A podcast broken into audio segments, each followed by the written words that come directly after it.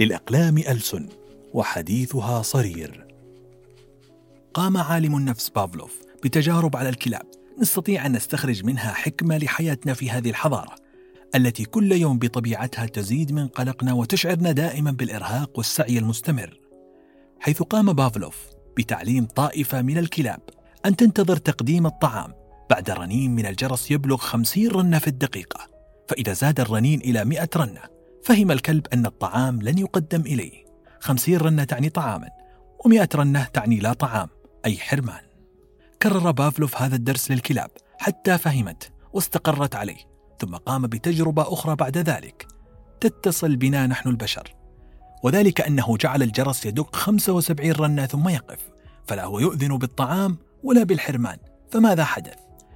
حدث القلق عند الكلاب من الشك. فصارت تعوي وتتضور وكأنها تبكي وتتألم. نحن في الحضارة العصرية نعيش في قلق الشك لا نعرف هل سننجح أم نخيب. هل سنصبح من الأثرياء أم من المفلسين؟ هل سنمرض أم نبقى في صحتنا؟ هل نحيا أم نموت؟ وكذلك لنا شكوك بشأن أولادنا وأصدقائنا وكل شؤون الحياة. نعيش في هذه الحضارة على درجة 75 رنة في الدقيقة لا طمأنينة بالطعام ولا يقين بالحرمان. لذلك نشعر بالقلق الذي يزيد بقوة خيالاتنا إلى مخاوف وأمراض نفسية خطيرة. وهذا القلق يجعلنا مكروبين ضائقين متوترين.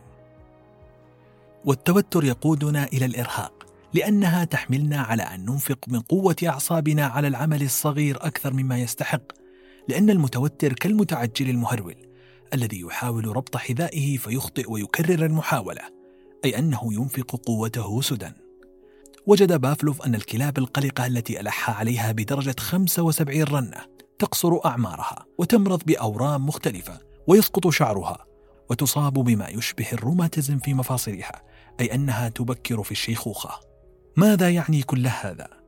يعني أن القلق العصبي عند الكلاب ويقابله القلق النفسي عندنا يعرضنا للأمراض الجسمية وينقص من أعمارنا إذا كيف نسوس أعصابنا؟ ونحن نعيش في حضارة تبعث في نفوسنا الشك والقلق وتحملنا على التوترات التي لا تنقطع.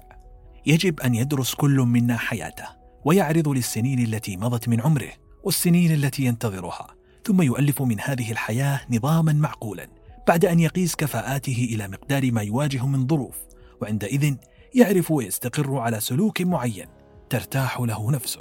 فنظامنا الاجتماعي الحاضر يمجد الأنانية ويملأنا بروح الطمع والاقتناء ويبعث في نفوسنا عواطف المباراة والحسد والغيرة.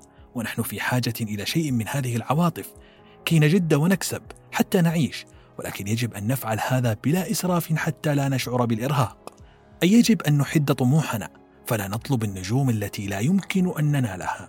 وتوترات النفس تؤدي إلى توترات الجسم والعلاج الأول للتوترات هو النوم. لكن يجب أن ننام كي نستيقظ لأن النوم ليس غاية. إنما هو وسيلة لأن نصحو ونجد وننتبه ونفهم. وإذا كان النوم حسنا وافيا صارت يقظتنا حسنة وافية. وأقل من النوم هو الراحة والاسترخاء للعقل والجسم. ويجب أن نلجأ إليه من وقت إلى آخر. بل يجب ألا ننام إلا بعد الاسترخاء. أي يجب ألا نطلب النوم. ونحن في توتر ونحس بالكرب والضيق. لأن النوم عندئذ لن يكون مفيدا. بل سيمتلئ بالكوابيس ونستيقظ مرهقين متعبين. لا تكن في حرب باردة مع نفسك فإن نفسك هي إنسانة جسمك. ولا تثر في نفسك عواطف الطموح المسرف والحسد والغيرة والرغبة الجامحة في النجاح والاقتناء ثم ما ينتج عن هذه كلها من عواطف القلق والخوف إذا لم تتحقق ثم التوترات فالانهيار. قاوم روح الحضارة الانفرادية فلا تتركها تكتسحك. وفكر في الحب والقناعة وخذ بفضائل عليا جديدة.